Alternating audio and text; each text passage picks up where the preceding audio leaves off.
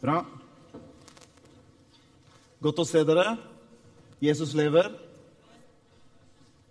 Ja, det var tre stykker som syntes det var for så vidt greit, da. Jesus lever. Bra. Fantastisk godt å se dere. Vi er på full fart inne i juletida. Er det noen som begynner å merke at det begynner å koke litt? Nei, det var ingen.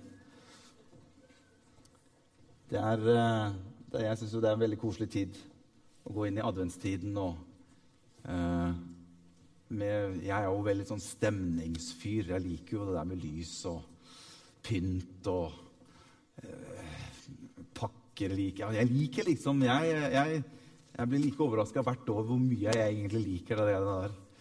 Så vi, eh, vi koser oss i juletida. Veldig, veldig bra.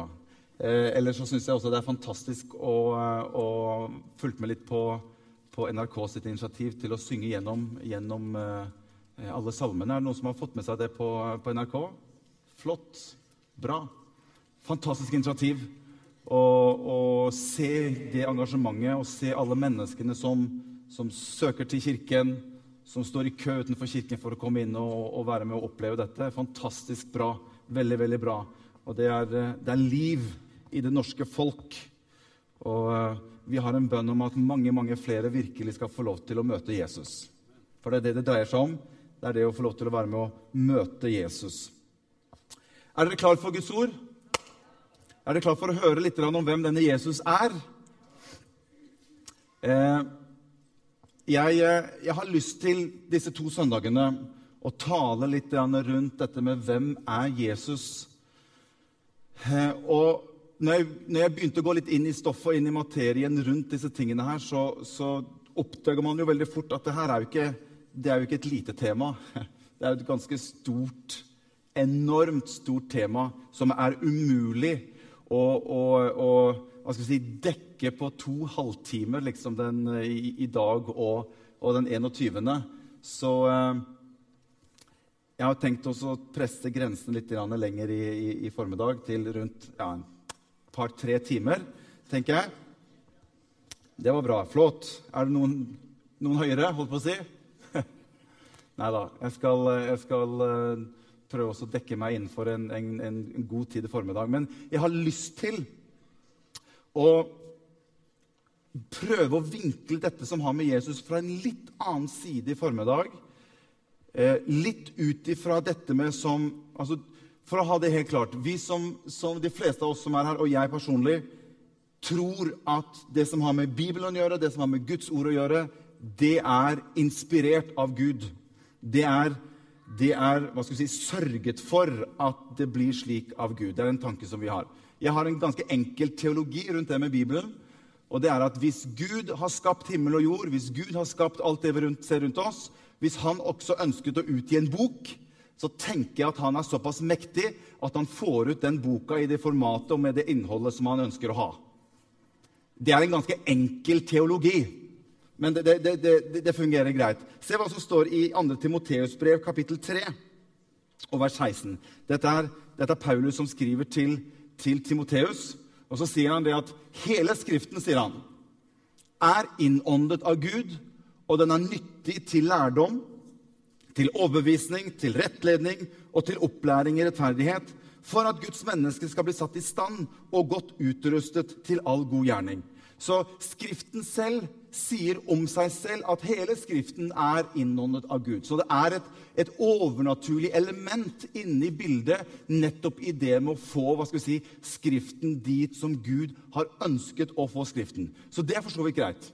Men jeg har litt lyst til i formiddag til å prøve å legge bort litt det elementet med at vi tror at Guds ord er innåndet av Gud, at dette som står der, er noe som Gud har sørget for at skal bli. Jeg, jeg, jeg, jeg har prøvd å, prøve å legge bort det litt, og jeg har lyst til å se litt sammen med deg i formiddag litt rundt det som har med på en måte den historiske Jesus Sett ifra litt annen vinkel. Sett ifra kanskje de som ikke hva skal vi si, tror på at dette er gudsinspirert, at dette er noe overnaturlig osv., som du og jeg har lett for å tenke. Fordi jeg tror det er bra for deg og meg å kunne på en konstruktiv og god måte gå inn i materien som har med de bibelske skrifter å gjøre, og se på de tingene uten at vi alltid bare på en måte liksom tar det for god fisk. At det som står der, det stemmer ikke sikkert. Fordi at vi tror jo på Gud. Og han kan jo, og han er sikkert sånn som jeg har enkel teologi, han kan sikkert få den boka han vil ha. Så da regner vi med at det som står der, at det er ok. Det er for så vidt greit, men jeg tror det er, jeg tror det er sunt, jeg tror det er bra, og jeg tror det er godt å teste disse tingene også på utsiden. For hør, jeg tror at det er mulig å teste disse tingene helt på generelt basis. Og du skal få lov til å vite det, at de tingene som står der, helt historisk, helt skriftmessig, det holder mål. Amen. Slik at Når jeg sitter og leser det som står i Det nye testamentet, i evangeliene og alle brevene, så kan jeg vite ikke bare at tror jeg at dette her er gudsinspirert, men det holder faktisk mål historisk sett. Det er en nøyaktighet oppi dette som er så bra og så utrolig at når jeg leser de tingene her, så, så, så vet jeg at det kan stemme også historisk. Og der ønsker jeg bare å vise oss litt, ta dere med litt i formen. Er det greit? Litt rundt den historiske Jesus. Fordi at helt klart så er Nytestamentet det er på en måte primærkilden og hovedkilden som du og jeg går til hvis vi ønsker å lære noe om hvem Jesus er. Så går vi til Det nye testamentet. De fire evangeliene, Matteus, Markus, Lukas og Johannes, og alle brevene utover, for å på en måte finne ut av hvem er denne Jesus. Og da er det jo for så vidt greit at de tingene vi leser om, at det på en måte er korrekt. Kan vi vite at den teksten som står der, kan vi vite om de ordene som står der, at det stemmer? Sa faktisk Jesus disse tingene her? Eller sa han dem ikke? Var det slik han sa det, eller sa han dem på en annen? Altså, De tingene der syns jeg er litt spennende å se litt inn i. For du og jeg forholder oss til en tekst som vi leser, og så skal vi ut ifra den teksten vi leser, forholde oss til en sannhet. Og hør, Det er vel kanskje få skrifter opp gjennom tidene historisk sett som har blitt utsatt for mer kritikk og mer motstand og mer prøve å kvele enn faktisk de bibelske skriftene. Kanskje ingenting. skal komme litt tilbake til det etterpå. Men enda så holder Bibelen stand, hør, mer enn noen gang. Det finnes en mer nøyaktighet historisk sett, forskningsmessig sett, i dag rundt Guds ord og Bibelen enn det har gjort noen gang i historien. Og Det er det jeg mener. Det er den boka. Nå har ikke jeg, vet ikke, Er det noen som har en bok med seg som heter Bibelen i dag? Få se. Der er noen, ja. Bra. Hvordan var det de så ut igjen? Skal vi se. Løft den opp. Ja, det var sånn de så ut, ja. Jeg har ikke hatt, eh, Det blir jo på nettbrett. vet du. Det blir ikke akkurat det samme, men jeg synes det er for så vidt. Det går greit. Ok, Det var et sidesprang. Men jeg, bare, jeg, har lyst til å dra dere litt med inn i. Fordi, hør Er det greit at vi tar en liten sånn runde som det? Og, på en måte bare prøve å, å, å kartlegge, kartlegge, litt rundt disse tingene? Fordi at det som har vært noe av hovedkritikken mot Bibelen som historiske dokumenter, har vært i hovedsak to ting. Det ene er det at du kan ikke eh, forholde deg til de bibelske skriftene ut ifra at de er historisk korrekt, og samtidig forholde deg til at det fins en lære eller en teologi som for mange synes å skal prøve å overbevise andre om å tro på noe. Så man, når man går inn og ser på Skriftene, så sier kritikerne til de skriftene de sier at enten så må du forholde deg til det historiske som på en måte oppgis i Skriftene, eller så får dere forholde dere til hva skal si, læren og teologien i det som står. Men begge to tingene samtidig, det går ikke, er det en del kritikere som mener. Fordi at enten så vil ikke disse to tingene kunne fungere i sammen. Du kan ikke skrive en skrift for å prøve å overbevise noen andre. Da vil det være en agenda oppe i det som gjør at det historiske og disse tingene vil ikke være korrekt. Det som skjer, det er at mange andre forskere, mange andre som, som forsker på disse tingene, mener nettopp det motsatte. At det er ingen problem å ha den historiske nøyaktigheten og samtidig forholde oss til den teori, teori, eller lære eller teologi som står i Skriftene om hvem Jesus er. Og det har skjedd ekstremt mye rundt disse tingene bare de siste 15-20 årene som gjør at nøyaktigheten i Det nye testamentet og brevene til Paulus blant annet, har fått en helt annen styrke, hvor de står rent historisk som dokumenter. Bare ett eksempel. Eh, mange av dere kjenner til det som står i Johannes evangelium kapittel 5. Når det står om at når Jesus kom inn i Jerusalem, så står det at ved saueporten i Jerusalem var det noe som het Betestadammen. Og ved Betestadammen så lå det veldig mange syke. Er det noen av dere som har fått med deg den historien? Ja. Det har veldig mange bibelkritikere sagt, ja, men det er bare en myte. For man har aldri funnet noe i Jerusalem som heter Betesta. Man har aldri funnet noe i Jerusalem som kalles for Betestadammen. Det som er litt interessant å se, det er at Når Johannes skriver dette, så sier han at i Betestadammen som lå ved de fem søylegangene, sier Johannes. Og Kritikere sier at det her er bare en historie som er oppdiktet. Det går ikke an, for det er ingen Betestadam i Jerusalem ved saueporten. Det er ingenting, det er ikke noen søyleganger i hele tatt. Inntil for ikke veldig lenge siden så begynte arkeologer i Israel å begynne å oppdage inne i Jerusalem nettopp å oppdage Betestadammen. Og tro det eller ei, de finner ut at det er ikke bare tre søyleganger ved den dammen, det er ikke bare fire søyleganger ved den dammen, men fakta er at det er fem søyleganger i nærheten av den dammen som kalles for Betesta. Og det blir oppdaget nå i de siste dager. Og hør, det beviser ikke for meg nå skal vi se litt fra siden. Det beviser ikke for meg at Jesus helbredet noen ved Betestadammen. Men det viser at det er en enorm nøyaktighet i de tingene som blir skrevet, som gjør at jo mer tiden går, og jo mer man graver og graver, så vil de bare finne ut at, det som står der, det stemmer. Med en enorm nøyaktighet. Og det syns jeg er fascinerende. Ta bare en sånn ting som Nasaret. Byen Nasaret, eller stedet Nasaret. Vi mener jo at det fins profetier i Gamle Testamentet som peker fram mot at Jesus skal komme fra Nasaret. Men du kan ikke gå til Gammeltestamentet og finne ordet Nasaret. Det står ikke ordet Nasaret i Gammeltestamentet.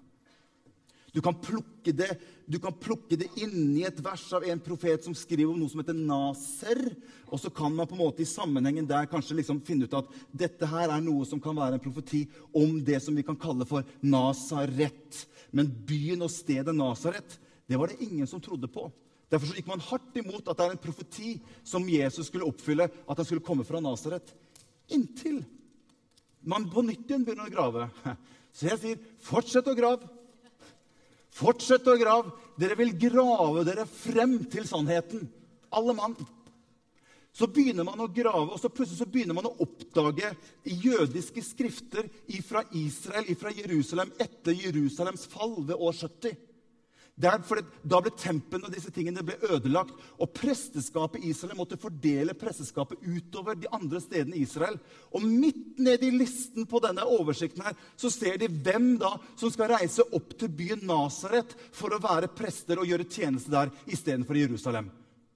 Plutselig så er Nasaret-navnet inne i bildet. Og hør, nå i 2009 så har man begynt å grave frem de første hus i Nasaret, som er helt tilbake til den tiden hvor Jesus levde, som man daterer da. Og plutselig så begynner man å opplage her har det vært en liten by som antageligvis blir kalt for Nasaret. Fantastisk! Jeg har mange andre sånne eksempler som jeg kunne komme med, men jeg skal, ikke, jeg skal ikke ta de tingene der. Så det har skjedd en enorm utvikling rundt disse tingene her på det som har med Bibelens nøyaktighet. For jeg mener at disse tingene er viktige å ha med seg når du og jeg skal lese faktisk om de tingene som står om Jesus i, i Bibelen. Eh, bare sånn oppsummering rundt disse tingene som har med, har med Bibelens nøyaktighet å gjøre. Eh, kan, vi, kan, vi, stole på disse tingene som historie, som ren historie? Eh, og det finnes andre skrifter på utsiden av Bibelen som omtaler hva skal vi si, denne tiden. her. Du har jødiske skrifter som omtaler eh, Jesus. Du har romerske skrifter og andre hedenske skrifter som omtaler at det var en mann som kalte seg Jesus fra Nasaret, som, som, samlet en, en, del disipler rundt seg. Eh, det er skrifter som omtaler at han var en undergjører, en magiker, som, som veldig mange kaller han for. Det er skrifter som omtaler at han, han ble korsfestet. Han ble eh, stilt til retten for romersk rett, og han ble korsfestet under romersk lov. Det finnes skrifter som også omtaler om at det gikk rykter om at faktisk denne Jesus fra Nasaret hadde stått opp fra de døde. Det gikk rykter om det. Du og jeg vi vet jo, ikke sant? Men eh, det gikk jo da rykter om at det er noen som hadde påstått at det var stått opp fra de døde. Så litt, litt rundt det som har med evangelien å gjøre. Eh, er det greit? Får dere med dere noe? Det blir litt annerledes eh, undervisning av Morten Aune her i formiddag, men jeg syns dette er litt ålreit for dere å få med dere. Fordi Hva med evangeliene? Evangeliene, De fire evangeliene, Matteus, Markus, Lukas, Johannes, er jo evangelier som er skrevet av jøder på midten av det første århundret. Mange bibelkritikere eh, daterer en del av disse dokumentene mye senere, ikke mye, men litt senere enn det liberalteologer gjør. Og det er, det er en liten utfordring med disse tingene. fordi at jo senere du daterer et dokument, jo større er muligheten for unøyaktighet for det som står i dokumentet. Liberalteologer de, de, Vi kan få opp neste, neste, eh, neste slide. Der viser det litt hva de i dag tror og daterer disse evangeliene når de er skrevet. Matteus han var jo en disippel av Jesus. Han var, jo, han var jo en skatteinnkrever som ga sitt liv til Jesus og begynte å følge Jesus. Han var øyenvitne. Han er nøye i det han skriver. Man regner med at han har skrevet Matteusevangeliet, sitt evangelie, mellom 64 og 68. Andre teologer vil si at nei, han måtte ha skrevet dette etter år 70, når Jerusalem falt fordi at Matteus omtaler Jerusalems fall i år 70. som skjedde i år 70. Derfor måtte dette ha blitt skrevet i etterkant. Andre mener at han kunne ha forutsett det, eller han kunne ha fått et informasjon, eller han kunne fått hørt noe fra altså, ikke sant? Men da tar man bort den delen at det er umulig. Vi mener at han skrevet, eller Folk mener at han skrev 64 til 68. Markus Markus var ingen disippel av Jesus. Markus var en som fulgte etter Peter og, og, og Paulus var en etterfølger av, av, av, de. Skrev sitt i 58-60. Lukas, som var legen som fulgte Paulus, han skrev sitt i rundt 60-62. Og Johannes mener man i utgangspunktet er apostelen Johannes eller disippelen til Jesus. Andre mener at han ikke er disippel til Jesus, men at han er en lærergutt av Johannes igjen. Som også het Johannes, som fulgte Johannes, og som ble opplært av Johannes spiller egentlig ikke rolle, men det som er skrevet, ble skrevet rundt år 90. Så er det en annen ting som jeg vil at dere skal notere dere. Det er at Når bibelkritikere går inn og leser alle brevene til Paulus Dette her, dette her, er, dette her må dere få med dere.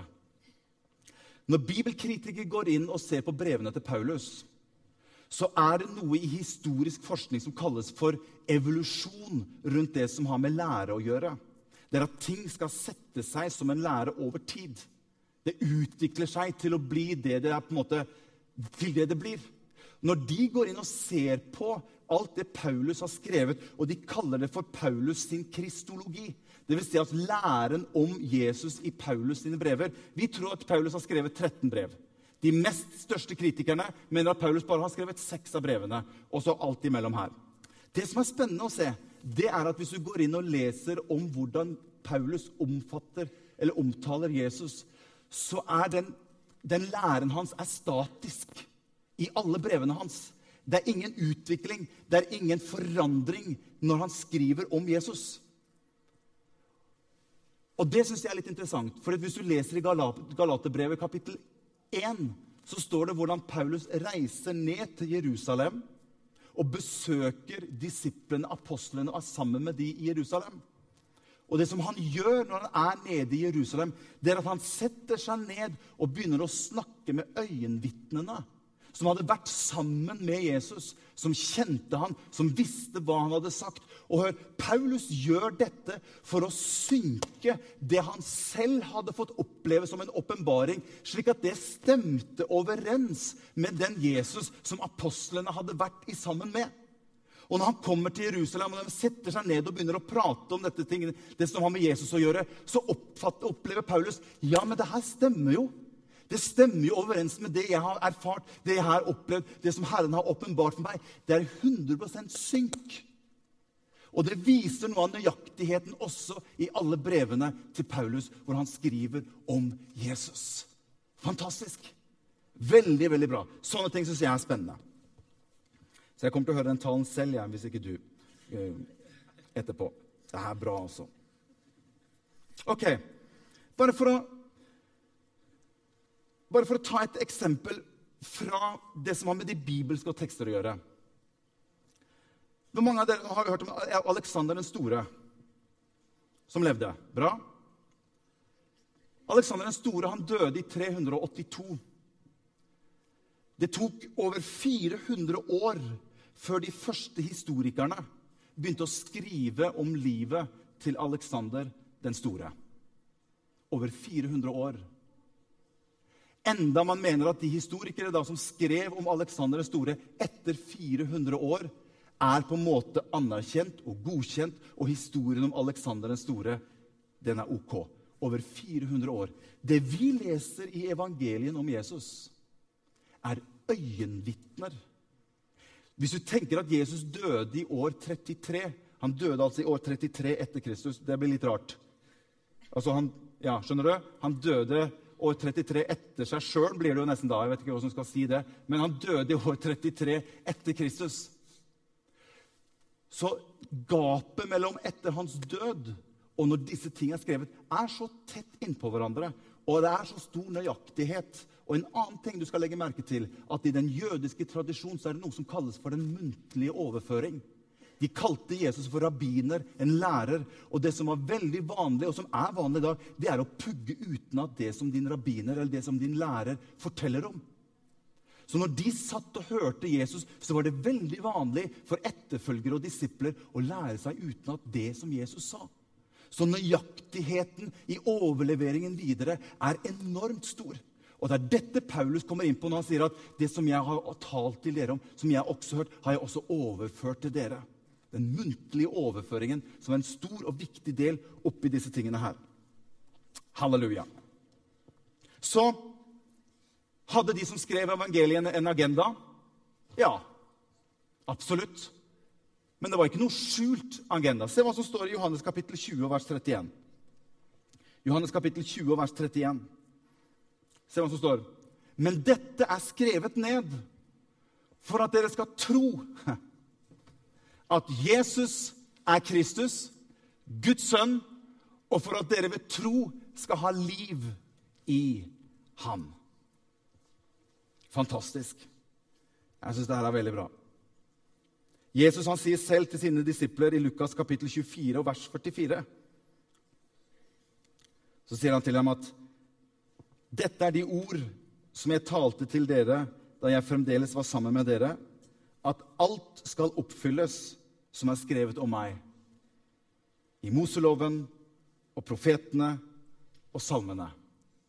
Så opp gjennom Gamle testamentet, når profetene og disse begynte å skrive om at det en dag ville komme en mann, en Messias, som skulle komme så regner man over kanskje 300 profetier i Det gamle testamentet som, som henvendte seg fram i tid mot en som skulle komme og som skulle oppfylle alle disse.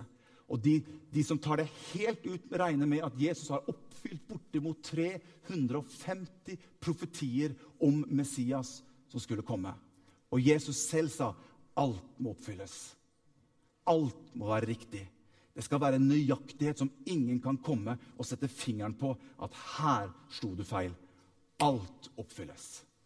Og jeg syns det er så fantastisk når Johannes døperen stiller seg fram, som er i forkant av Jesus. Denne døper Johannes, som går ut i villmarken, er kledd i kamelhår. og Han ser vel ikke alt, akkurat ut som en Abercrombie-fyr. Men han, han, han, han, forkynner om at jeg er med på å bane vei for han som skal komme. Jeg skal ikke komme inn i detalj på disse tingene, for tiden går. Men jeg syns det er fantastisk når Johannes står der og døper alle disse menneskene som et bilde på å bli vasket ren ifra, ifra synd. Som et bilde, og som sier at det kommer en etter meg som er mye større enn meg. Det er han det gjelder. Det er han det dreier seg om. Og når Johannes står der og døper alle disse menneskene, plutselig en dag så står han der. Jesus. Som hele Det gamle testamentet hadde profetert om. Alt samler seg rundt denne ene mannen som skulle komme. Og Med en gang Johannes ser denne Jesus komme mot ham Når Johannes ser Jesus, så er det et eller annet som bare slår ned i Johannes. Og noe som bare sier til ham, 'Der er han'. Og Johannes sier, 'Se der er Guds lam, som skal bære bort all verdens synd'. Og Jesus lar seg døpe av Johannes døperen i Jordan. Det som var utfordringen for Israels folk, det var at de hadde sett for seg en Messias som skulle komme som den triumferende Messias, som en Messias som skulle utfri dem fra undertrykkelse. Jeg skal ikke komme inn på disse tingene, men det, er tre hovedkategorier av hvordan folket opplevde hvordan Messias skulle være når han skulle komme. Og Den ene av disse sidene er den triumferende Messias. Han skal komme for å utfri sitt folk. Det de ikke hadde så lett for å forstå, det var den lidende siden av Jesus. Når profeten Jesaja skriver at han ble såret for mine overtredelser, han ble knust for mine misgjerninger, det hadde man vanskelig for å forstå. Ja, men Skal Messias være lidende? Skal ikke han være triumferende? Er det ikke han som skal innta Davids trone? Er det ikke han som skal på en måte gjenreise riket, og på en måte liksom, slik at vi, vi blir en sterk nasjon igjen? Så den siden fikk de problemer med. Men Johannes sier når han ser Jesus, se det er Guds lam som bærer all verdens synd. Og det budskapet som Josef fikk i Matteus kapittel 1 og vers 21 Se hva som står der. Jeg ser tiden går fryktelig fort. Når, det, når, når begynte jeg? Ja. Tiden går fort. Matteus 1 og vers 21. Josef skjønner ikke hva som skjer. Og denne engelen kommer til Josef, så sier han hun skal føde en sønn, og du skal gi ham navnet Jesus. Og så sier han, for han skal frelse sitt folk. Han kunne sagt punktum der, og Josef hadde skjønt hva han mente. For navnet, ordet, navnet Jesus betyr egentlig å frelse eller utfri. Men så legger engelen til noe som er viktig å få med seg. Det står han skal frelse sitt folk fra deres synder. Og Det var det som var oppgaven til Jesus når han kom. Og det er det som det er det som Johannes døperen ser hos Jesus når han ser Jesus komme. Se der, Guds lam, som bærer bort all verdens synd. I Lukas kapittel 9 og vers 18 der har Jesus samlet sammen disiplene sine. Og han spør de. Så sier han, 'Hvem sier folk at jeg er?' sier Jesus til disiplene. Døperen Johannes svarte de. Men noen sier Elia, andre sier at en av de gamle profetene er stått opp. Og så sier Jesus, 'Men dere, hvem sier dere at jeg er?' Og Det er det spørsmålet som jeg har lyst til bare å legge litt over oss alle sammen her i formiddag. Men dere, du, jeg, hvem sier jeg at Jesus er? Hvem er Jesus?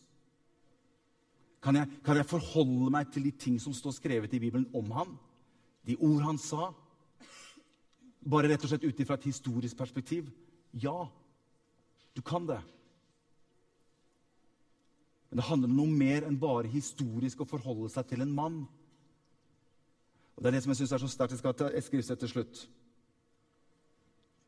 Døperen Johannes, som var så overbevist om hvem Jesus var, noen tid senere så, det at, så står det om at Johannes døperen hadde blitt kastet i fengsel. Og så står det i Lukas kapittel 7, vers 19. Jeg syns det er fantastisk. Døperen Johannes, har sendt, døperen Johannes har sendt oss til deg, kommer til Jesus, og spør Er du den? Husk på at dette er Johannes døperen som døpte Jesus, og som uttalte at se der, Guds lam som bærer all verdens synd. Denne mannen blir satt i fengsel begynner å oppleve at tingene rundt ham begynner å bli tøft og vanskelig. Og så begynner tvilen å komme inn hos Johannes. Og så sender han et bud. Jeg, jeg må spørre en gang til. Jeg må, jeg må bare dobbeltsjekke at dette her holder vann. At det er han det dreier seg om. Og Johannes sender et bud til Jesus og spør er du den Jesus som vi har ventet på. Eller skal vi vente på en annen? Så sier Jesus Nettopp da helbredet Jesus mange for sykdommer og plager og onde ånder, og han ga mange blinde synet. Og så står det videre i neste. Og han svarte dem, gå og fortell Johannes hva dere har sett og hørt. Blinde ser, lamme går, spedalske renses, døve hører, døde står opp, og evangeliet forkynnes for fattige. Gå og fortell Johannes at jeg er den som dere har ventet på. Jeg er Messias, den levende Guds sønn. Dere trenger ikke å tvile. Jeg er han som Gud har sendt for å ta på meg all verdens synd. Jeg er Jesus fra Nasaret. Halleluja! Og det kjenner jeg som gir meg styrke og kraft. Det er lov å tvile noen ganger. Selv Johannes, som døpte Jesus, begynte å tvile. Så fikk han bare et ord tilbake fra Jesus. Fortell Johannes. Blinde ser, døve hører, lamme går, og evangeliet forkynnes for fattige, og fattige settes i frihet. Jeg er den jeg er. Amen. Kan vi ikke reise oss opp, alle sammen? Hvem er Jesus for deg?